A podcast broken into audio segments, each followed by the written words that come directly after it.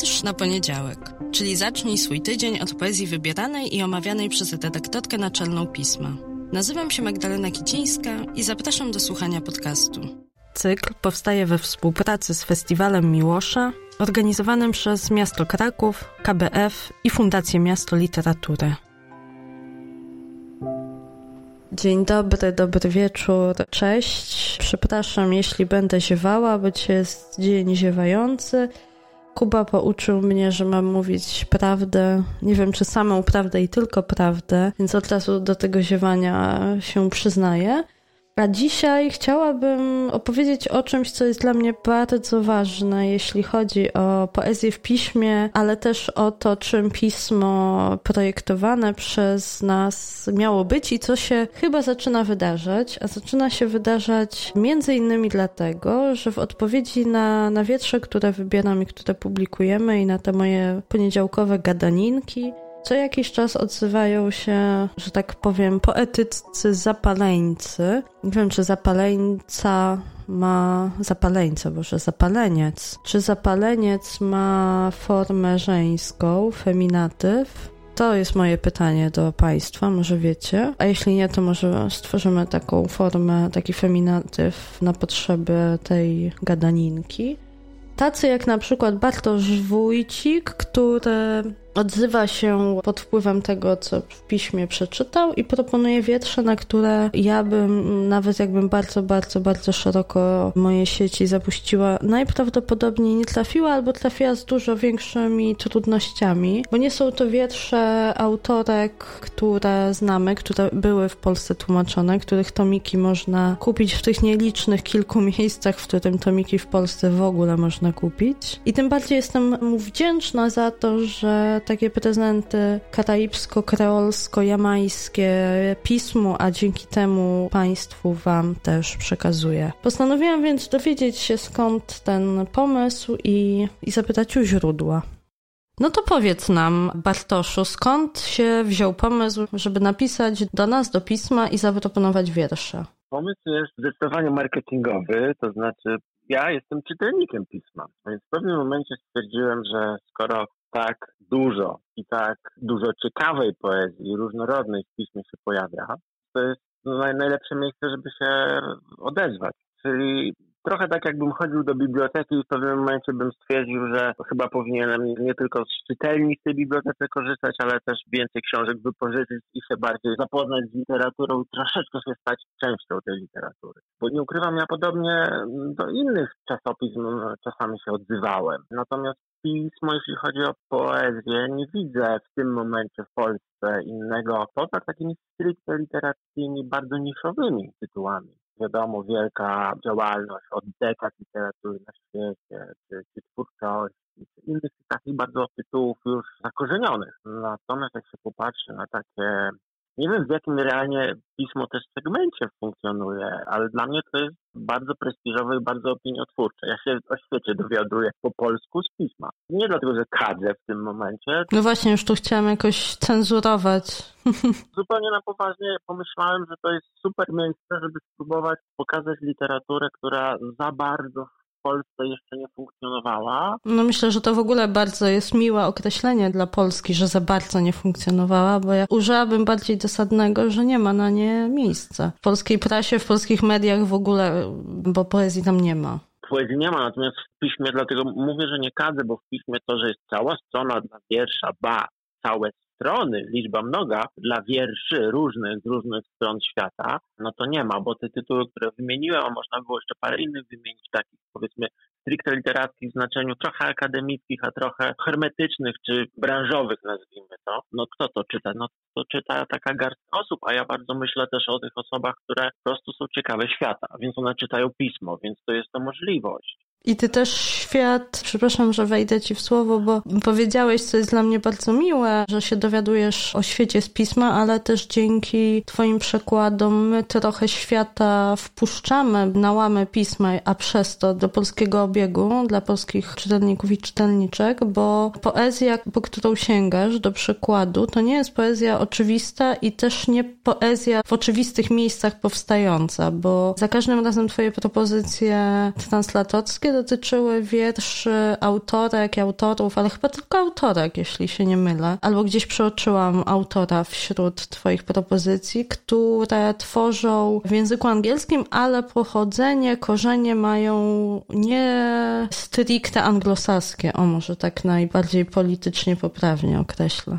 Tak, bo ja jestem wychowany czy też tak lekturowo na anglosaskiej literaturze z Europy i ze Stanów Zjednoczonych. Oczywiście też dużo w przekładzie, bo tutaj i Magda Heidel, i Jerzy Jarniewicz, i Renata Senktas, no można by wymieniać osoby, które na przykład dużo poetyk i poetów, ale bardzo dużo też poetek z Irlandii, to też powoduje, że to jest trochę inna angielszczyzna. Natomiast to, co do tej pory było dostępne po polsku z niby anglojęzycznych krajów, ale krajów, które wykształciły swoje języki, no bo i Barbados, i Trinidad i tak dalej, i tak dalej, te wyspy są naprawdę różnorodne pod względem językowym i poetyckim, to tego nie było. Ja nie ukrywam, ja mam duży problem też, bo te wiersze, które wybieram, staram się, żeby one taką barierę kulturową dość gładko mogły pokonać w tłumaczeniu, ale to jest też takie trudne, bo bardzo często wiem, że powinienem wybrać wiersze o wiele bardziej skomplikowane językowo, tylko nie znalazłem jeszcze klucza, jak te regionalne języki w sposób niestereotypowy w polszczyźnie oddać. Żeby to nie była jakaś stylizacja regionalistyczna. I żeby też to nie oznaczało, że multum przypisów jest potrzebne do przeczytania, prawda, takiego wnikliwego ze zrozumieniem polszczyźnie tego tekstu. Czyli po prostu często poległem do tej pory. Nie, nie byłem zadowolony z tego, co się udawało mi zrobić do tej pory, więc wiersze, które wysyłam są jakoś wypadkową moich czasami braków umiejętności i też tego, na ile wiersze przez swoją odmienność no, udaje się po prostu przetłumaczyć. I często jest to standardowa angielszczyzna wbrew pozorom w oryginale, takimi drobnymi no, elementami, które nie są może standardowe, czy takie mm, europocentryczne. A jak pracujesz nad przykładem? Bo ja kilka tygodni temu rozmawiałam ze wspomnianą przez ciebie Magdą Heidel i wtedy się zwierzyłam, że dla mnie przekładanie poezji, znaczy chylę czoła wszystkim tłumaczom i tłumaczkom, którzy się porywają na to zajęcie, bo mnie się ono gdzieś tak sytuuje na pograniczu alchemii i metafizyki, a z drugiej strony takiej pracy jak przy algorytmie, który trzeba najpierw na czynniki pierwsze rozłożyć, żeby ten język poznać i żeby go potem na nowo złożyć w języku, na który się tłumaczy. Ja na pewno mam jakieś elementy w sobie syndromu oszusta, bo oczywiście jestem przekonany, że ja to robię nieodpowiednio. Natomiast ciągle myślę, że to jest jedna z możliwych wersji. To zresztą jest ładna taka opowieść o tradycjach kulturalnych czy kulturowych jamańskich, gdzie tam pomysł, że to jest wersja, że wszystko jest wersją, że tak naprawdę cały czas remiksujemy. To się wzięło z kultury muzycznej, z kultury sound systemowej. Ja sobie to tak podłapałem, żeby się tak poczuć, że właściwie to mogę robić, te, próbować przynajmniej tłumaczyć przekładać wiersze, bo i tak możliwe, że się pojawi ktoś, kto zrobi to celniej, ciekawiej, inaczej to mi pomaga, tak powiedzmy, psychologicznie. Natomiast jest bardzo dużo wierszy, co do których wiem, że nie jestem ich docelowym tłumaczem. Jest bardzo dużo wierszy formalnych, które wiem, że nie jestem po prostu ich adresatem, jako ta osoba, która by miała z jednego systemu językowego na drugi te wiersze, powiedzmy, przenieść. Więc wybieram chyba takie wiersze, naprawdę, którym jestem w stanie podołać, ale też, które wydaje mi się, że dodają coś, czego może nie ma, albo jest inaczej akcentowane, jeśli chodzi o bardzo bogatą i bardzo taką intelektualnie pobudzającą polską współczesną poezję. A co dodaje poezja, poetyka, poezja i poetyka Grace Nichols, która w sierpniowym piśmie w Twoim tłumaczeniu się ukazała? Dlaczego ona? Ona jest fascynująca z jednej strony, jeśli chodzi o minimalizm, bo ona operuje bardzo często wielką taką subtelnością i właściwie odejmuje słów. Natomiast ona ma też takie książki z lat 80. i ten wiersz też jest z tego okresu, z tych książek, gdzie wprowadziła postać, taką figurę czarnej, grubej kobiety. To były lata 80. To też jest fascynujące, jak się popatrzy, że wprowadza bardzo dawno do dyskursu, do opowieści o wymaganiach estetycznych i wymaganiach tak naprawdę też etycznych, bo ona tam w tych książkach i w tym okresie swojego pisarstwa właściwie walczy z takim stereotypowym patrzeniem na ciało, ale też na leniwość, przypisywaną często osobom niebiałym, bo ma jedną książkę, która jest właśnie poświęcona figurze owej wytworzonej takiej leniwej kobiety. Te dwie książki są fascynujące, one jeszcze nie są przetłumaczone, ale wiem, że dwie poetki w Polsce zaczęły pracę tłumaczeniami też wierszy Grace Nichols z tego okresu. To myślę, że jest ciekawe, że Grace Nichols założenia ma być poetką ogólnodostępną. Ona ma taką ambicję, żeby w szkołach jej wiersze były czytane i są rzeczywiście w Wielkiej Brytanii, trafiają do podstaw programowych, żeby to była ta tradycja taka ustna opowieści, która na Karaibach jest nadal bardzo silna, żeby to była mądra literatura, przedstawiająca wymagania też intelektualne, ale z takim, bym powiedział, niskim progiem wejścia. To jest trochę oczywiście kłopotliwe, jak się pomyśli współcześnie o takiej poezji instagramowej, która... Która też ma ambicje być ogólnodostępna. Tak, bardzo.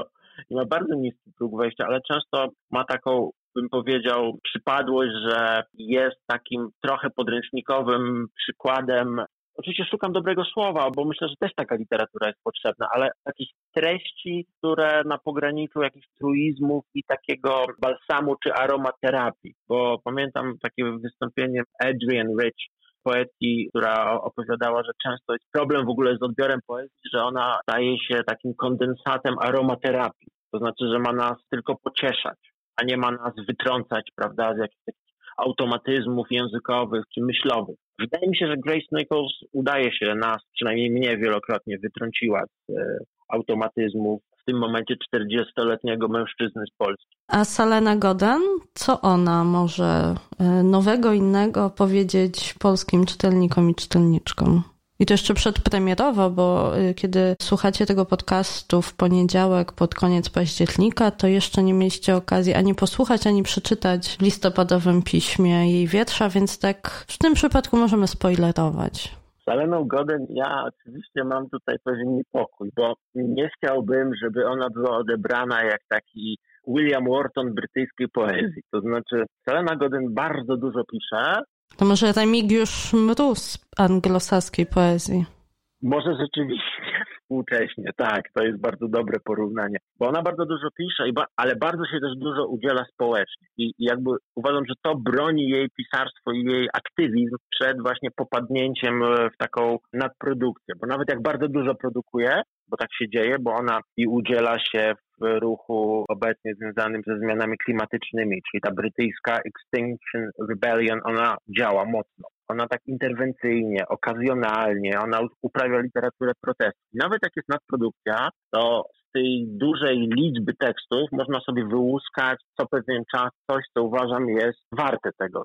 To znaczy, że się broni poza kontekstem ulicznego protestu, czy na przykład takiego występu performatywnego. Ona dużo też w radiu BBC się pojawia, bo jest po prostu osobą nie dość, że oczytaną, to jeszcze taką wygadaną, pisze eseje, pisze komentarze. Mnie się wydaje, że u niej jest połączenie humoru z takim pomysłem, że wcale nie trzeba non-stop używać ironii. Ja pamiętam kilka dni temu taką rozmowę z poetką tłumaczką ze Stanów Zjednoczonych, Emily Cotman, która przetłumaczyła jeden z wierszy Seleny Godin na staroangielski. I tak rozmawialiśmy i ona, czyli Emily, tłumaczka, powiedziała, że to nie jest czas na subtelności, że to jest czas na wyartykułowanie bardzo jasno, no bo i w tym momencie Wielka Brytania ma poważne kłopoty z pandemią, ma poważne kłopoty z Brexitem i ma w ogóle bardzo poważne problemy ekonomiczne, równościowe. Społeczne też ich problemy tak. z e, rosnącą falą populizmu, ale też rosnącą falą poparcia dla teorii spiskowych spod znaku QAnon. Zresztą Guardian Weekly tydzień czy dwa tygodnie temu poświęcił temu tematowi duży, duży tekst, z którego też obraz społeczeństwa brytyjskiego wyłania się bardzo odmienny od tego, co sobie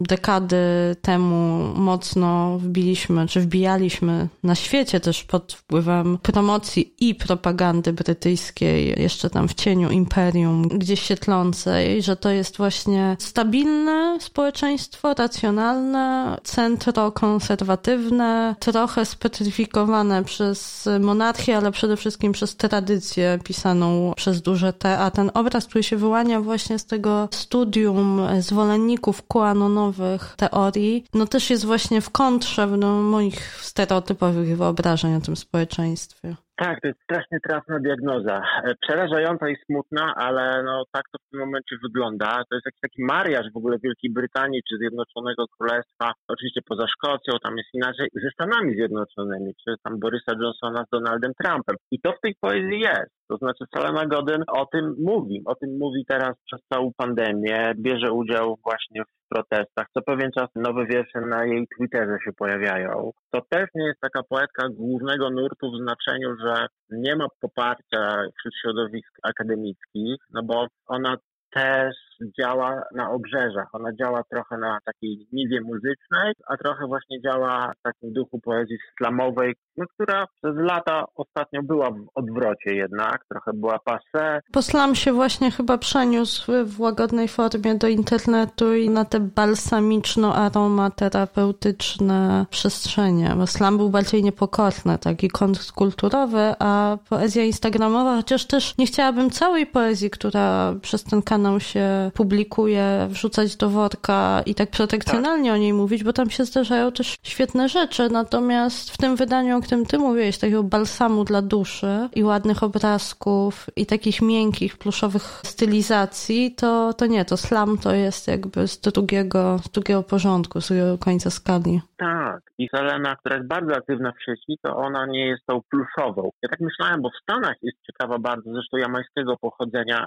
i tak jak Selena też ma jamańsko-irlandzkie, to Stacey Ann Chin jest pochodzenia Jamajką. Od lat mieszka w Stanach Zjednoczonych. Ostatnio dostała poważną nagrodę za książkę poetycką. Natomiast to jest bardzo podobne pisanie. To jest pisanie, które często operuje nadmiarem właśnie słów, zdawałoby się, i bardzo często stara się być popularne wśród osób o nastawieniu kontrkulturowym, czy osób e, progresywnych, czy osób, którym jest bardzo blisko do lewicy. Natomiast jest to literatura, która w tym roku jest szczególnie potrzebna. No to może to jest plan na przyszłość i na kolejną Twoją propozycję, na poetyckie strony pisma. Tak może być. To jesteśmy umówieni w takim razie. Dziękuję bardzo. Rozmawiając sobie tutaj na OFie w ramach PS-u, przyszło nam do głowy, że zapalenica, bo najbliższy, co też dosyć ciekawie brzmi, że naj, najbliższy zapaleńcowi przyszedł nam do głowy topielec, więc topielica, więc może zapalenica. A tutaj Kuba mówi, że to brzmi jak czeskie określenie, czeskie słowo odpowiadające zapalniczce, więc taka jest nasza propozycja wyjściowa, może ktoś ma lepszy pomysł.